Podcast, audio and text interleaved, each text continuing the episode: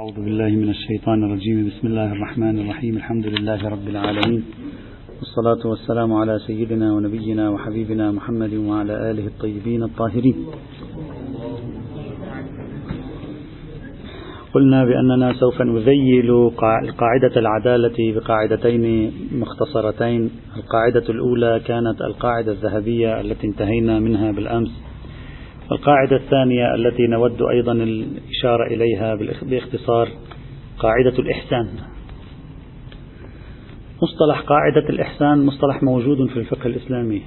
واحدة أصلا من قواعد الفقه الإسلامي الموجودة في كتب قواعد الفقهية قاعدة اسمها قاعدة الإحسان. الآن أنت إذا فتحت كتب القواعد الفقهية تجد هذه القاعدة موجودة. وأحيانا يعبرون عنها بقاعدة نفي السبيل. لكن هذه غير قاعدة الإحسان التي سنبحثها هنا. تلك قاعدة في الغالب واحدة من قواعد الضمان أحكام الضمان.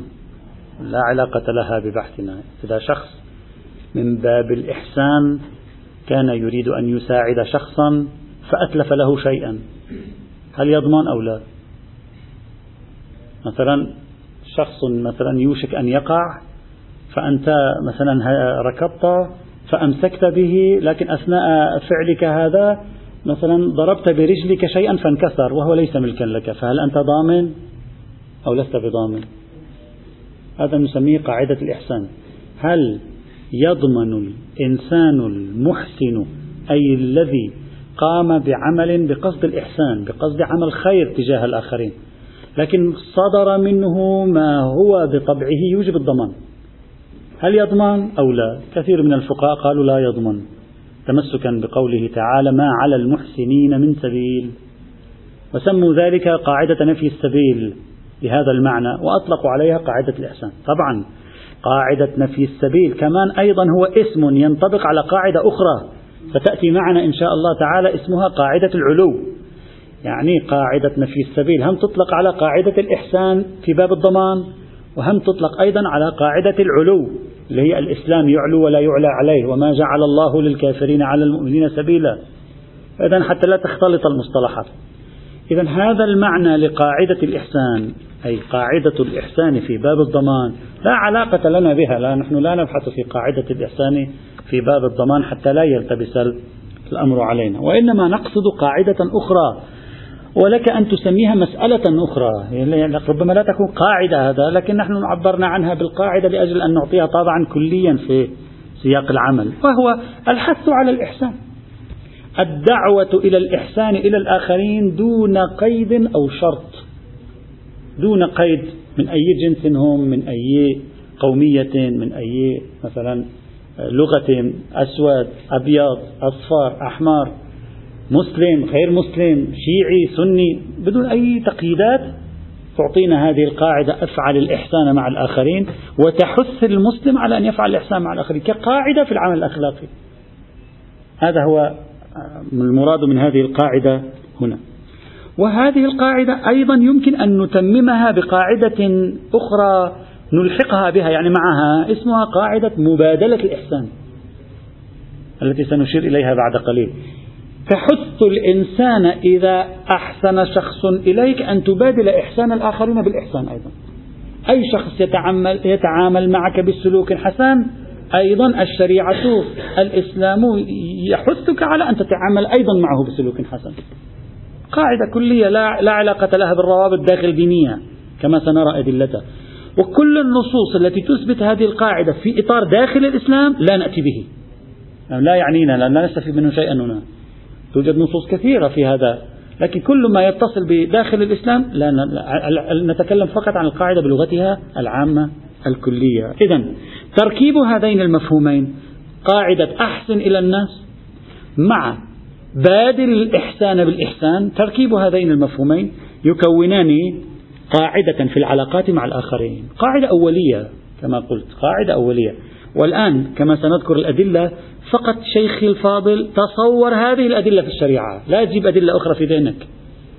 وحاول أن تفهم منها ما تريد. يعني بس تجيب أدلة أخرى في ذهنك لن تستظهر المعنى الذي هو مراد منها. اتركها لوحدها الآن بعدين تحب قيدها بأدلة تحب تعدل دلالتها نتيجة عنصر إضافي خارجي بحث آخر. الدلية الداخلية دينية يعني الأدلة التي تقول لي أحسن إلى أخيك المسلم. هذا لا نعتقد. نعم هذا لا نبحث به. أو أحسن إلى أخيك مثلا المؤمن الشيعي. هذا لا نبحث به. لا ينفعنا. هذا من باب المثبتين. خير على خير. لا بأس. فقط نأخذ الأدلة العامة. الأدلة التي يمكن أن تساق هنا عمدتها الكتاب والسنة. سنذكر اليوم الكتاب وغدا إن شاء الله نحاول أن إذا استطعنا نختم غدا بالسنة. النص القرآني وتكريس قاعدة الإحسان المكونة من أصل القاعدة ومن قاعدة مبادلة الإحسان بالإحسان. توجد عندنا في السياق القرآني عدد من الآيات القرآنية يمكن البلوغ بها إلى ثمانية. تدل على هذه القاعدة. الآية الأولى قوله تبارك وتعالى في الآية 90 من سورة النحل. بسم الله الرحمن الرحيم. إن الله يأمر بالعدل والإحسان وإيتاء ذي القربى وينهى عن الفحشاء والمنكر والبغي يعظكم لعلكم تذكرون. هذه الآية مرت معنا عند الحديث عن أصل العدل لأن فيها إن الله يأمر بالعدل. الآن هذه الآية نريد أن نستعين بها لإثبات شيء إضافي ليس فقط العدل وإنما أيضا الإحسان إلى الآخرين. الآية واضحة في أنها توجه البشر تحث البشر على الإحسان على مطلق أن تحسن. الإحسان يعني أن تحسن إلى الآخرين تقوم بفعل خير تجاه الآخرين بدون أي قيد وبدون أي شرط. ونفس كونها قد وقعت في مقابل وينهى عن الفحشاء. وفي الأول قال يأمر تدل على ضرورة الإحسان على وجوب الإحسان على التشديد على مطلوبية الإحسان إلى الآخرين هنا. طيب أول سؤال يأتي إلى الذهن بعد قراءة هذه الآية القرآنية الكريمة هو العدل البغي الفحشاء المنكر واضح؟ واضح في أنه لا مجال لتخصيصه. يعني لا مجال أن يقول الله إن الله يأمر بالعدل لكن في خمس حالات أنا أمركم بالظلم. لا يعقل. الله لا يأمر بالظلم. أو يقول أنا أمرك أنا أنهاكم عن البغي إلا في حالتين ابغوا على الناس. وهذا غير معقول. لكن في موضوع الإحسان القضية تقبل التخصيص. لأنه إذا كان الإحسان واجبا في كل الحالات وهذا يلزم الإنسان كلما رأى شخصا في الطريق يحسن إليه. لا يقول به أحد. إذا أنت تريد أن تفهم من هذه الآية القرآنية الكريمة أن الله يأمر بالإحسان وتأخذ لي إياها على إطلاقها وتقول كل مورد هو إحسان فإن الآية تريد أن تطلب مني أن أحسن إلى الآخرين وهذا غير معقول. لا, لا يقول به أحد لا يمكن أن يتصور في كل مورد يصدق فيه الإحسان أنا تمام أفراد الإحسان يجب أن أقوم بها. نعم تمام أفراد العدل يجب أن أقوم بها. نعم تمام. أفراد العدل يجب أن أقوم بها. تمام. أفراد الظلم حرام أن أقوم بها. تمام. أفراد ما يسمى بالفحشاء نعم حرام أن أقوم به هذا ما في مناقشة فيه.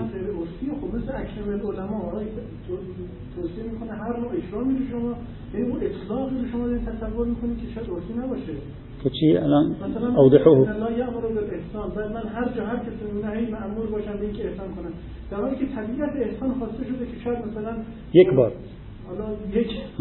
إذا لم أنا أريد أن أستدل بها قبل أن أناقش الاستدلال. أريد أن أس... إذا كان الإحسان في الجملة لا ينفع المستدل. لأن الإحسان في الجملة كيف تثبت أن هذه في الجملة شاملة لغير المسلم؟ سيقول لك نعم في الجملة أنا مطلوب من الإحسان.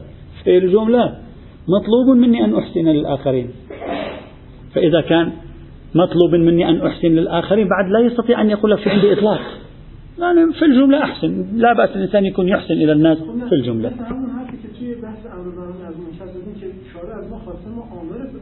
خب خب. هذاك لأن طبيعة الأدلة قال آمرون بالمعروف نهون عن طبيعة الأدلة تختلف. هنا سنطرح هذا الاحتمال الآن. هنا طبيعة الدليل المخطئ. يأمر بالعدل والإحسان. يعني أنت الإحسان إذا شخصت هذا إحسان مأمور أنت به. مثل إذا شخصت هذا عدل مأمور. نفس الشيء. إذا قلت لك إن الله يأمر مثلا بالأمر الفلاني فإذا شخصته فأنت مطلوب منك. الآن بعدنا بعدنا ما زلنا نطرح الإشكال سنحاول معالجته. وفي العدل لأنه كل موارد العدل واجبة. كل موارد العدل لأن في مقابلها الظلم.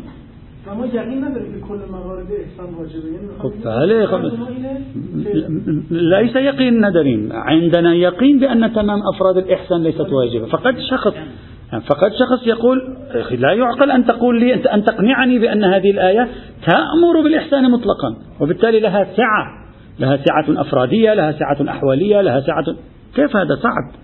وبالتالي قد شخص يقول الآية ليست سوى بصدد التوجيه العام الإحسان في الجملة وبالتالي لا يمكن الاستفادة منها في موقع بحثنا هنا. هذا إشكال قد يطرح في المقام. ويمكن الجواب قد شخص يقول أنا أجيب عنه بواحد من أساسين. الأساس الأول أن نتمسك بوجوب الإحسان. شخص يدعي أننا نتمسك أن الإحسان واجب مطلقا لكن علمنا من الشريعة أن بعض مصادق الإحسان ليست واجبة. أنت لا يجب عليك كل يوم تحسن إلى كل شخص ترى.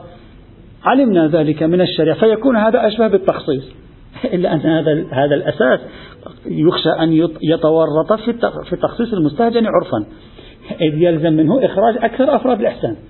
إذ أكثر أفراد الإحسان لن تكون واجبة حينئذ. عمليا هكذا. أكثر أفراد الإحسان ليست واجبة. فإذا قلت لي أنا واجب شرعا أن أحسن للآخرين بتمام أفراد الإحسان لتمام الآخرين. ثم أخرج ما علمت من الشريعة أنه ليس بواجب. يخشى أن, أن نخرج الأكثر أو إن لم يكن الأكثر يخشى أن يكون الإخراج لما هو مستهجن عرفا ولو لم يكن أكثر. بناء على التمييز بين مفهوم المستهجن عرفا ومفهوم الأكثر كما ذكره بعض الأصوليين والفقهاء. فشخص قد يقول شخص نعم أقبل أن الإحسان واجب إلا ما خرج بالدليل. شرط أن لا يكون هذا الذي خرج بالدليل. مما هو في كثرته بحيث يكون خروجه مستهجنا عرفا. لا لا يتم حينئذ. هذا الأساس الأول. الأساس الثاني أن نقول هذه الآية ليست فيها من حيث اللفظ إطلاق. إنما الإطلاق أخذناه من العناوين الموجودة في الآية. يعني أنا إنما أخذت الإطلاق في العدل نفس عنوان العدل بطبيعته. لا يمكن أن يكون مأمورا ببعضه ومن وغير مأمور ببعضه. نفس عنوان البغي في الآية لا يمكن أن يكون منهيا عن بعضه أو, أو, أو, أو ومنهي عن بعضه الآخر. فالعناوين بنفسها هي التي أعطتني إطلاقا. وإلا دلالة الآية لا تدل على إن الله يأمر بالإحسان. مثل أنا أقول لك إن الله يأمر بالصلاة. قل لا تدل على أنه في كل لحظة لحظة لازم تصلي. إن الله يأمركم بأن تأكلوا وتشربوا. لا يدل على أن كل لحظة لحظة يجب عليك أن تأكل وتشرب فليس فيها دلالة. إذا من أين أخذنا إطلاق العدل لما استندنا إلى قاعدة العدل؟ ومن أين أخذنا إطلاق نفي الظلم لما استندنا إلى قاعدة نفي الظلم؟ أخذنا من طبيعة العنوان. هو طبيعة العنوان لا يقبل أن يقيد. أما التركيبة اللغوية للآية ليس فيها خاصية الإطلاق أصلا. فهو أي جملة أقول لك إنني أأمرك مثلا بأن تتصدق على الناس؟ لا أحد يفهم يعني كل ما أشوف واحد لابد أن أتصدق حتى تفرغ جيبي يعني تتصدق بحيث يصدق عليك أنك متصدق. حالة التصدق في حياتك موجودة. هذا المطلوب لا أكثر ولا أقل. إذا كان هذا هو المفهوم فحينئذ نقول بأنه حيث إن الإحسان هنا لم يأتي مقيدا بأي قيد فهذا يدل على أن الشريعة من حيث المبدأ توجهني نحو مطلق أشكال الإحسان.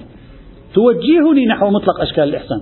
ليس هناك أمر بتمام أشكال الإحسان ولكنها توجهني إلى المبدأ يعني مبدأ الإحسان حينئذ. وبالتالي أخرج من هذه الآية بقاعدة إن مبدأ أن الإنسان يحسن نحو الآخرين مطلوب هذا أقصى ما يمكن. هذا كله إذا قبلتم بأن كلمة الإحسان تدل على الإحسان إلى الآخرين.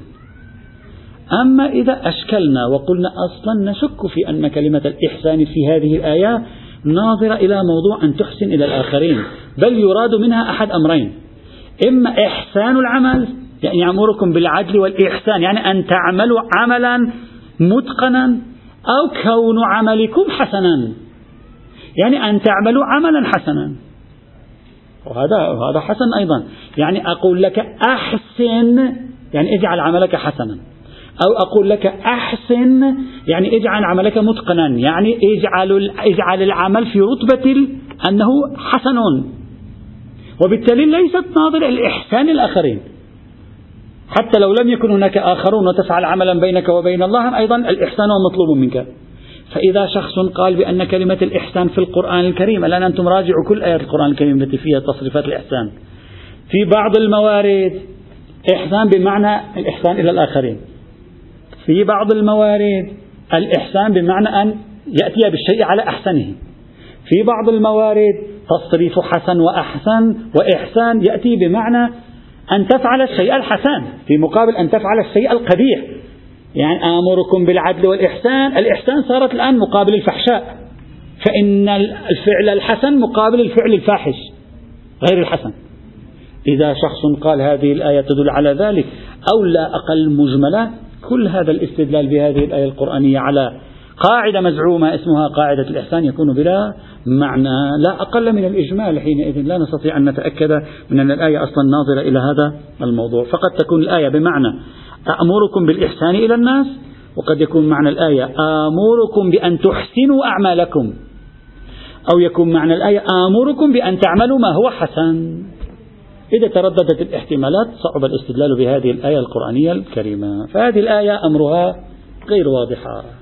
الآية الثانية قوله تعالى وأنفقوا في سبيل الله ولا تلقوا بأيديكم إلى التهلكة وأحسنوا إن الله يحب المحسنين. هذه الآية قد يقال بأنها سورة البقرة الآية 195 قد يقال هذه الآية تنفعنا هنا. لماذا؟ لأنها ناظرة إلى سياق الإنفاق. وأنفقوا في سبيل الله وأحسنوا إن الله يحب المحسنين. هذا السياق جميل. لماذا؟ لأن هذا السياق يقول يجعل الإحسان في داخل إطار الإنفاق إخراج المال. فيصبح المعنى أقرب إلى الإحسان إلى الآخرين منه إلى الإحسان العمل. يعني أن إذا قلت لك أنفق وأحسن ماذا تفهم؟ تفهم أنفق وأخرج مالك يعني أحسن إلى الآخرين. إلا أن هذه الآية أيضا تعاني من مشكلة في الاستدلال هنا. وهذه المشكلة هي الآية قالت أنفقوا في سبيل الله يعني أخرجوا أموالكم في سبيل الله. ثم قالت ولا تلقوا بأيديكم إلى التهلكة. هذه آية ولا تلقوا بأيديكم إلى التهلكة. نحن بحثناها بالتفصيل قبل 13 عاما بالتفصيل في بحث فقه الجهاد في بحث العمليات الاستشهادية. لأن بعضهم استدل بهذه الآية على حرمة العمليات الاستشهادية. وهذه من أهم الآيات التي استدلوا بها هناك. هناك بحثناها بالتفصيل. يوجد وجه أنا أطرحه الآن لا أريد أبحث فيه أطرحه فقط أنتم راجعوه. يوجد وجه في أن الآية لا علاقة لها بإلقاء النفس في التهلكة. يعني أن, أن تموت الآية لها علاقة بسياسة الإنفاق. إذا أخذت هذه الآية هكذا يعني الآية تقول أنفق في سبيل الله لكن لا تروح إلى التهلكة. يعني ما معنى تروح التهلكة؟ يعني لا تنفق كل أموالك وأنت تقع في تهلكة. هلا بصرف النظر حتى لو دلت على هذا المعنى هل تدل على تحريم الادخار أو لا؟ بحث آخر. لكن الآية هكذا تقول أنفق في سبيل الله. لكن ما تلقي بيدك إلى التهلكة يعني تنفق إنفاقا زائدا على الطبيعي تهلك أنت وعيالك. ثم تكمل الآية وتقول وأحسنوا. أي في إنفاقكم فليكن إنفاقكم حسنا. يعني أنفق إنفاقا حسنا لا تنفق إنفاقا متهورا. ولو في سبيل الله ولو في سبيل الله. أنفق إنفاقا حسنا ولا تنفق إنفاقا غير عقلاني إنفاق متهور. يودي بك إلى التهلكة. إذا كان المعنى كذلك والسياق يركبها. تصبح هذه الآية أيضا لا علاقة لها بموضوع بحثنا. لماذا؟ لأنه يقول أنفق وفي سبيل الله يقول أنفق. ما يتكلم عن أنفق إلى الناس أو إلى الآخرين مطلقة. في سبيل الله. ليست ناظرة إلى من أنفق عليه. أنفقوا في سبيل الله. نفقة أو إنفاقا لا تلقوا فيه بأنفسكم إلى التهلكة فترتدون أنتم وعيالكم فقراء مساكين تحتاجون إلى من يطعمكم ويشربكم. وبالتالي فمطلوب منكم وأنتم تنفقون أن يكون إنفاقكم حسنا متقنا سليما. إن الله يحب المحسنين. على هذا التقدير هذه الآية أيضا يصبح حالها كالآية الأخرى. لا تستطيع أن تنفعنا كثيرا في موضوع بحثنا هنا.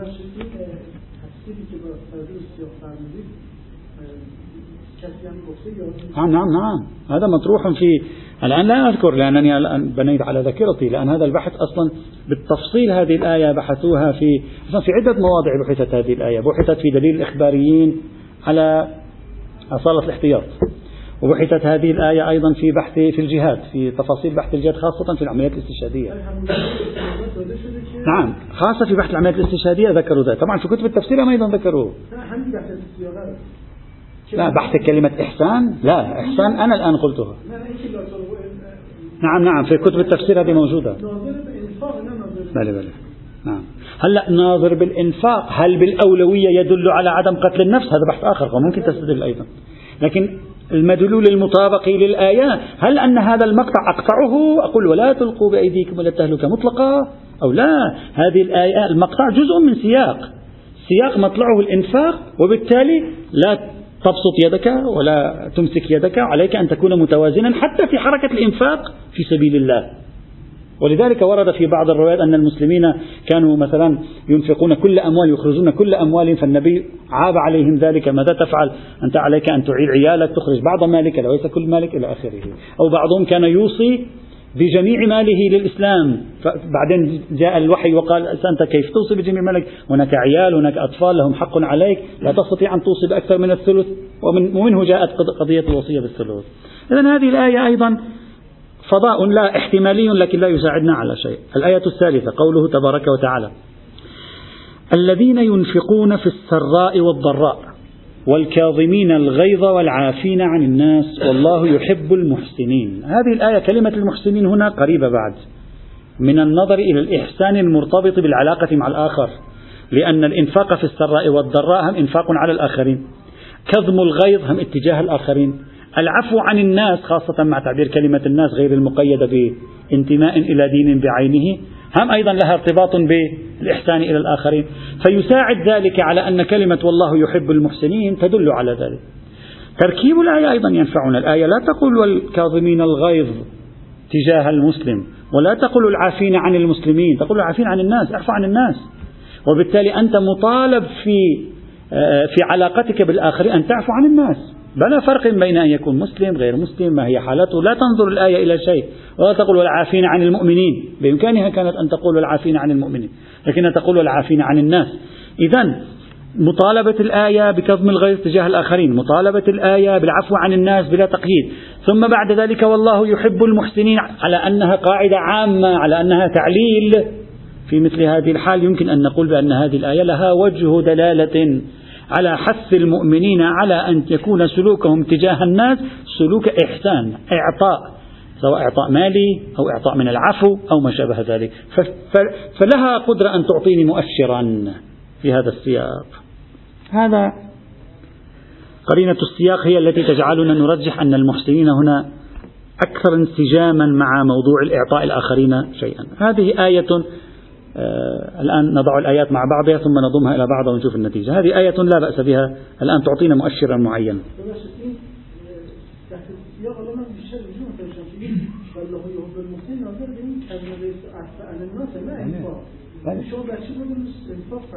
لا الآية أصلا تتكلم في الثلاثة في الإنفاق في كظم الغيظ في العفو عن الناس. ثلاثة اجمعها إلى بعضها ثم تقول والله يحب المحسنين. يعني أن الله يحب أن تكون على سلوككم تجاه الآخرين سلوك إحسان. يتجلى في الإنفاق يتجلى في كظم الغيظ تجاههم يتجلى في العفو عنهم هذا معنى العرف الآية هكذا يصير الآية الرابعة الآية الثالثة عشرة من سورة المائدة. قال تبارك وتعالى فبما نقضهم ميثاقهم لعناهم. تكلم عن أهل الكتاب. وجعلنا قلوبهم قاسية يحرفون الكلم عن مواضعه ونسوا حظا مما ذكروا به. هذه الآية مباشرة في غير المسلمين تتكلم. لا تتكلم أصلا في تعميم. مباشرة في غير المسلمين. ولا تزال تطلع على خائنة منهم إلا قليلا. يعني بين الفينة والفينة ترى فيهم خائنة. تصدر منهم سلوكيات وتصرفات ليست صحيحة تجاهكم. ويخاطب النبي. فاعف عنهم واصفح إن الله يحب المحسنين.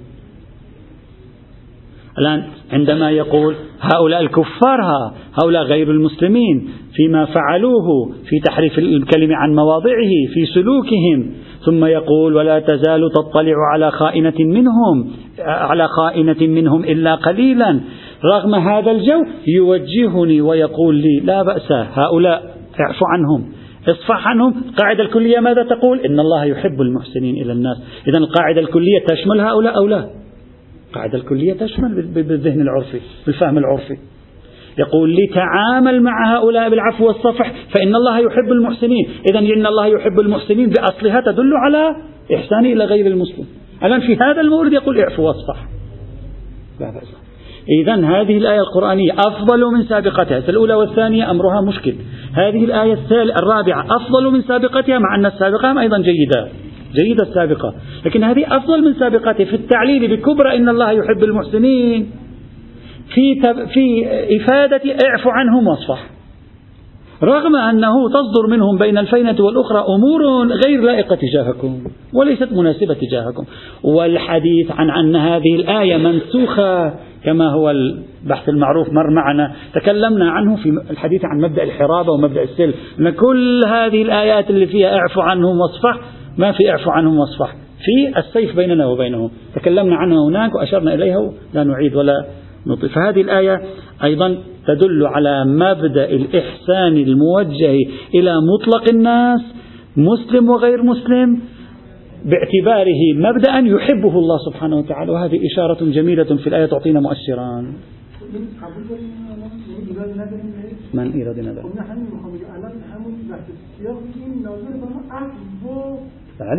علل إن الله يحب الم... جعل إن الله يحب المحسنين بمثابة أمر عام لإعفو. یعنی یعنی دیگر داره؟ بله. چرا نسبت به حدیث آیه قبلی که مثلا گفتیم در انفاق میاد و قیس میاد و در اونجا هم قبول کردیم. اینجا روشنتره. بله. أقبل. الآية السابقة قبلت. هذه الآية أوضح من الآية السابقة في أنها ناظرة مباشرة إلى غير المسلمين. هذا الذي أقصد بأوضحيتها تلك لها صفة التعميم. فتشمل غير المسلم بنوع من الضب من العموم. هذه مباشرة عنهم. يعني هذه مباشرة تنص على أن كلمة إن الله يحب المحسنين تشمل مئة بالمئة مورد, مورد غير المسلمين.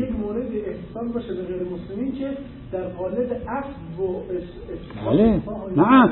الآن إذا أنا قلت لك لا بأس سامح ابنك إذا قال لك الكلمة الفلانية فإن الله يحب العافين. تفهم كلمة العافين فقط هكذا؟ في هذا المورد لا. معناها أن العفو محبوب عند الله وهذا من مصادقه. إذا فالعفو محبوب عند الله هذا من مصادقه فسائر مصادقه محبوبة أيضا. أنا لا أقول هذه تثبت حقوقي كما قلت في القاعدة الذهبية. أنا أقول هذه النصوص لو بقينا معها لوحدها تعطينا حثا وترغيبا ومؤشرا على أن هذه السياسة محبوبة لله. الآن هذا النص لا يعقل أن أقول هذا النص يدل على إثبات حقوق. أصلا هذا النص لا علاقة له بحث الحقوق. لكن يعطيني مؤشرا إلى أنه حيث لا يوجد نص معاكس هذا المؤشر منسجم مع إعطاء الحقوق. عندما يكون إعطاء هذا الحق أو ذاك ضرب من الإحسان بالنظرة العرفية. هذا هو. ولذلك نحن في كتاب في بحث المدخل إلى الفقه القرآني في كتاب دراسات الفقه الإسلامي المعاصر قلت بأن مشكلة أو بعض إحدى المشاكل الموجودة في الفقه الإسلامي أن بعض الآيات هجرت في الفقه الإسلامي على أنها آيات أحكام. وإن كان هذه الآيات لم تهجر الآن سأنقل نص عن حقق النجفي يدل على أنهم لم يهجروا أيضا هذه بعض هذه الآيات على الأقل. الآية الخامسة قوله تبارك وتعالى في في سورة القصص 77 وابتغ فيما آتاك الله الدار الآخرة ولا تنس نصيبك من الدنيا وأحسن كما أحسن الله إليك. ولا تبغي الفساد في الأرض إن الله لا يحب المفسدين. أيضا مطلقة عامة. تحث الإنسان على أن يحسن كما الله أحسن إليه بدون أي تقييد. إذا في دليل يقول هذا مقيد بالمسلم أهلا وسهلا لا بأس. إذا ما في دليل هذا حث على مبدأ الإحسان بنحو المؤشر. يعطيني تأشيرا على الحث على مبدأ الإحسان. كما أن الله أحسن إليك فأحسن إلى غيرك. دون أي المبدأ في نفسه مطلوب مرغوب إليه. طبعا الآية واقعة في سياق إنفاقي يعني أحسن في الإنفاق. وإن كان على أي حال ممكن أن شخص يقول وأحسن كما أحسن الله إليك أعم من مجرد المال لكن لا بأس حتى في السياق الإنفاقي هم أيضا تنفع. الآية السادسة قوله تبارك وتعالى سورة فصلت الآية 34 35 ولا تستوي الحسنة ولا السيئة. ادفع بالتي هي أحسن. فإذا الذي بينك وبينه عداوة كأنه ولي حميم ولا يلقاها إلا الذين صبروا وما عفوا وما يلقاها إلا الذين صبروا وما يلقاها إلا ذو حظ عظيم.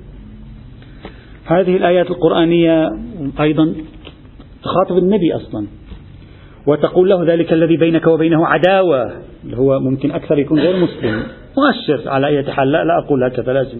لكن مؤشر احتمالية أن يكون غير مسلم أكثر من أن يكون بين النبي وبين أحد من المسلمين عداوة. يقول له عندما تكون بينك وبين شخص عداوة ادفع بالتي هي أحسن السيئة. قاعدة. قاعدة أخلاقية. ليش أنت تريد هذه القواعد تجعلها خاصة في دائرة إطار علاقات المسلمين؟ ليش؟ قاعدة أخلاقية. ليش؟ لأنك اعتدت على أنها قاعدة خاصة بالعلاقات مع المسلمين. قاعدة أخلاقية عامة وصعوبته واللطيف فيها ذيلها. وما يلقاها إلا الذين صبروا وما يلقاها إلا ذو حظ عظيم. قاعدة صعبة في الحياة. وتزداد صعوبتها عندما يختلف معك الآخر أكثر. صعوبتها وتحديات الصبر فيها عندما يكون الآخر مختلفا معك أكثر.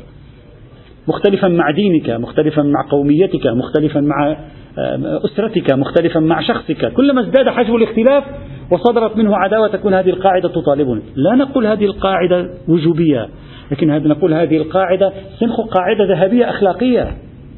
قاعدة تعامل بالحسنة مقابل السيئة. لماذا؟ يقول كأنه ولي حميم ففيها ضرب من تأليف القلوب. يعني تحثني على أن أتعامل مع المسلم وغير المسلم بضرب من دفع السيئة بالحسنة بهدف إيجاد التلاحم وتقارب وألفة. تأليف القلوب سيأتي معنا مبدأ تأليف القلوب. فلماذا أريد أن أقيد الآية؟ ولاحظ تعبيرها تخاطب النبي مباشرة وبعدين تقول عدو مفهوم العداوة ثم بعدين تقول ولي والنبي عادة احتمالية أن يكون له عدو بين المسلمين تصبح أقل. وتفتح على أن تكون الآية مفتوحة قاعدة كلية في الأخلاق. لماذا نريد أن نحصر هذه القاعدة في إطار فقط علاقاتنا نحن أما مع الآخرين؟ لا كما فعل كما فعل كما قلنا جمهور أهل السنة الذين لم يقبلوا بكل هذه النصوص في العلاقات مع الكافرين. إما قيدوها إما خصصوها إما نسخوها إلى آخره. لا هي واضحة ولطيفة أصلا. إذا تعطيني أيضا توجيها توجيها في بعض الأحيان على الأقل أن أتصرف معهم بهذه الطريقة راجيا أن يكون بذلك تأليف القلوب. تأليف القلوب ليس الإيمان. تأليف القلوب ليس الإيمان. تأليف القلوب يعني يصبح بينك وبينهم ضرب من التآلف والتصالح وهذا لا بأس به تأليف القلوب ليس إيمانا نعم هذا هذا سلوك إيماني، لكن لا ليس المراد منه أنني إنما أفعل معه ذلك لكي أجعله مسلما. لا أعم من أن أجعله مسلما أو أجعله قريبا من الإسلام، متصالحا مع الإسلام. أقلبه من عدو إلى إلى صديق. هو هذا هو لذلك قلت هذه الآية ستأتي معنا في بحث تأليف القلوب أيضا. الآية السابعة قبل الأخيرة قوله تبارك وتعالى: هل جزاء الإحسان إلا الإحسان؟ جميلة هذه الآية القرآنية الكريمة التي غيبت من الكتب الفقهية الآية سورة الرحمن الآية 60 القرآن النبي القرآن الكريم يتكلم مع الإنس والجن فبأي آلاء ربكما تكذبان؟ حصل كذا وكذا فبأي آلاء ربكما؟ أعطيتكم كذا وكذا فبأي آلاء ربكما؟ ثم يطلق قاعدة رائعة. صحيح مورد القاعدة هو العلاقة بين العبد والله لكن نفس القاعدة كلية. وكأنه يقبل بهذه القاعدة قال هل جزاء الإحسان إلا الإحسان؟ هذه مبدأ معاملة الإحسان بالإحسان الذي قلت أنه نركبه مع قاعدة الإحسان ينفعنا. ماذا تعني هذا؟ يعني إذا أحسن شخص إليك قاعدة أخلاقية كلية ليس فيها تقييد. أنت بحاجة تجيب لي تقييد. إذا ما تستطيع تجيب تقييد القاعدة مفترض أن تكون كلية. إذا أحسن شخص إليك فالمنطقية أن تحسن إليه. طبعا لا أريد أن أقول هذه الآية ناظرة إلى باب الحقوق كما قلت مرارا لكن سأعطي مثال تقريبي. يعني مثلا مثال تقريبا لا يمكن المثال الأمثلة تبعد وتقرب مشايخنا الكرام. مثلا اليوم إذا كان في مجتمع مسيحي كالمجتمعات الغربية ويعطيك حق في أن تقوم بأشياء كثيرة وتعبر عن دينك وتشارك في الحياة السياسية والاجتماعية في يعني المناصب العمومية المسؤوليات العامة في المجتمع يعطيك هذا الحق فهو يحسن إليك. طبعا أنا أشبه هذا لأنه جماعتنا ما راح يقبلوا كلمة يحسن إليك. واجب عليه. واجب عليه وأكثر من ذلك لا نريد نعبر تعبير هذا ما يحسن إلينا بشيء ولا كرامة له. لكن أنا أريد فقط أعطي مثال هذا بإمكانك تقبل به بإمكانك لا تقبل بالمثال. هو يتعامل معي بهذه الطريقة يتعامل مع أتباع ديني بهذه الطريقة. هل جزاء الإحسان إلا الإحسان؟ يعني أنا أتعامل مع جماعته مع أتباعه مع من يملكون يحملون جنسيته وتعامل معهم بنفس الطريقة. فمقتضى حتى إذا أردت أن تنزل هذه الآية على أخلاقيات السياسة الخارجية أيضا يمكن تنزيلها. هو يتعامل معي بأخلاق سوية أنا أتعامل معه بأخلاق سوية. هو يتعامل معي مع مع يعني أبناء وطني يتعامل معهم بكل أريحية ويساعدهم ويعينهم كذا. أنا مطلوب مني هل جزاء الإحسان إلى الإحسان؟ قاعدة. أصلا مستهجن للقرآن يقول لهم أصلا كأنما يريد أن يقول أصلا ليس هناك من, من بديل. حتما جزاء الإحسان هو الإحسان حتما جزاء ما في حل آخر جزاء الإحسان القاعدة فيها الإحسان. فإذا أحسن فأنا أحسن إليه. فإذا لماذا لا ننزل هذه القاعدة أيضا في العلاقات داخل الدين في العلاقات بين الأديان في العلاقات الفردية في العلاقات الاجتماعية؟ وأي بأس في ذلك ما لم يرد دليل أو مقص فتعطينا أيضا مؤشرا الآية الأخيرة وهي آية واضحة تعرفونها قوله تبارك وتعالى في سورة الممتحنة آية السابعة إلى الآية التاسعة عسى الله يتكلم عن عداوة الكافرين. عسى الله أن يجعل بينكم وبين الذين عاديتم منهم مودة. يترجى أن تصبح هناك مودة لا أن يصبح هناك سفك الدماء. يترجى أن تصبح هناك. عسى الله يجعل بينكم وبينهم مودة. والله قدير والله غفور رحيم. لا ينهاكم الله عن الذين لم يقاتلوكم في الدين ولم يخرجوكم من دياركم أن تبروهم وتقسطوا إليهم. البر. البر الذي هو ضرب من الإحسان. أن تبره تفعل معه ما هو خير. تتعامل معه. تقدم على التعامل معه بالخير. ما دام هو لا يعتدي عليك. إن الله يحب المقسطين. إنما ينهاكم الله عن الذين قاتلوكم في الدين وأخرجوكم إلى آخره. الله ينهاكم عن أولئك. أما هؤلاء ما في بيننا وبينهم مشكلة. هؤلاء بالعكس. عسى الله أن يعني بهذه الطريقة التي تتعاملون فيها يقتربون منكم أكثر فأكثر. إذا أيضا الآية هذه تكرس مبدأ العدل والإحسان. في العلاقة مع غير المسلم. ومن اللطيف ومن باب أن النفوس تهدأ وترضى إن شاء الله ننقل نص المحقق النجفي. المحقق النجفي في بحث في بحث جواز الوقف على الذمي ولو كان أجنبيا يعني لو كان من غير الرحم. ذمي ليس قريبا لك أو ذمي هو من أقربائك من الرحم. يقول هل يجوز لي أن أقف عليه مثلا أقول وقفت هذا البستان على ذرية أولاد عمي عمي مسيحي أنا أسلمت هو ما أسلم. وقفت هذا البستان على عمي وأولاده وذريته. يعتاشون به فقراء مساكين هؤلاء. هل يجوز الوقف على الذمي؟ لا المحارب ذمي. سواء كان من الرحم أو ولو كان أجنبيا. البحث أوسع من الرحم أجنبي. ماذا يقول؟ يقول وأنت الواقف. يقول المحقق النجفي ومنه ينقدح الاستدلال عليه بالنصوص الدالة على ذلك يعني على الجواز مضافا إلى عموم المقام. عموم المقام يعني عموم أدلة الوقف. يعني هناك نصوص خاصة في الموضوع وتوجد أيضا نصوص عامة في باب الوقف تنفع هنا أيضا في جواز الوقف على الذمي ولو كان أجنبيا عنك. بل هذا الذي هو الشاهد بل وعموم الإحسان. أدلة دالة على عموم الإحسان أحسن إلى الناس. إذا صاحب الجواهر قبل بل وعموم الإحسان والمعروف وصلة الرحم إذا كان من الرحم إذا كان لأنه يقول رحم أو غيره. وغيرها بعد قوله تعالى لا ينهاكم الله عن الذين لم يقاتلوكم في الدين. إذا صاحب الجواهر قبل بهذه الأدلة على أن تكون لها مؤشر على أن أحسن إلى شخص غير مسلم. إلى أن يقول والألطف من ذلك إلى أن يقول يقول يكفي في ذلك يناقش صاحب الرياض صاحب الرياض لا يقبل على ما أذكر صاحب الرياض نعم لا يقبل بالوقف على الذمي يناقشه ثم يقول آخر شيء يقول يكفي في ذلك إطلاق ما دل على استحباب الوقف وأنه من الصدقة الجارية ضرورة عدم الفرق بين متعلقه ومتعلق أوامر الصدقة بين المسلم والذمي. الصدقة تقول تصدق على الناس عامة مسلم وغير مسلم. النصوص تقول اعمل المعروف مع الناس. مسلم وغير مسلم. ما فيها تقييد. ليش أنت تريد تقيدها؟ صاحب الجواب يقول. خصوصا بعد الخبر أن لكل كبد حراء أجرى هذا حجي معنى الخبر. وكذا ما دل على الأمر بالإحسان وبالمعروف وفعل الخير ونحو ذلك. كل هذه تدل. تدل على ماذا؟ تدل على بحث الوقف أيضا. يعني شاملة بل قوله تعالى لا ينهاكم الله إلى آخره كاف في ثبوت الحث على برهم والإقساط إليهم بالمودة فإن الله يحب المقسطين والمحسنين ويأمر بالإحسان.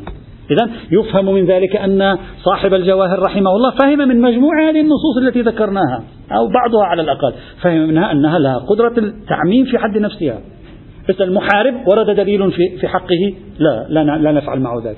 غير المحارب يبقى الدليل شاملا. وبالتالي لماذا لا نجعل من مجموع هذه النصوص القرآنية دليلا على أن القرآن يدعوني إلى مبدأين مبدأ الإحسان ومبدأ معاملة الإحسان بالإحسان بل ومبدأ معاملة الإساءة بالإحسان في الجملة. وبالتالي يوجه المسلمين نحو ممارسة هذا المبدأ في حياتهم دون وجود أي تقيد ذاتي في هذه الآيات. بماذا؟ بهوية الذي أحسن إليه قوميته جنسيته لونه لغته عرقه دينه ومذهبه. لا توجد هوية. فنتمسك بذلك.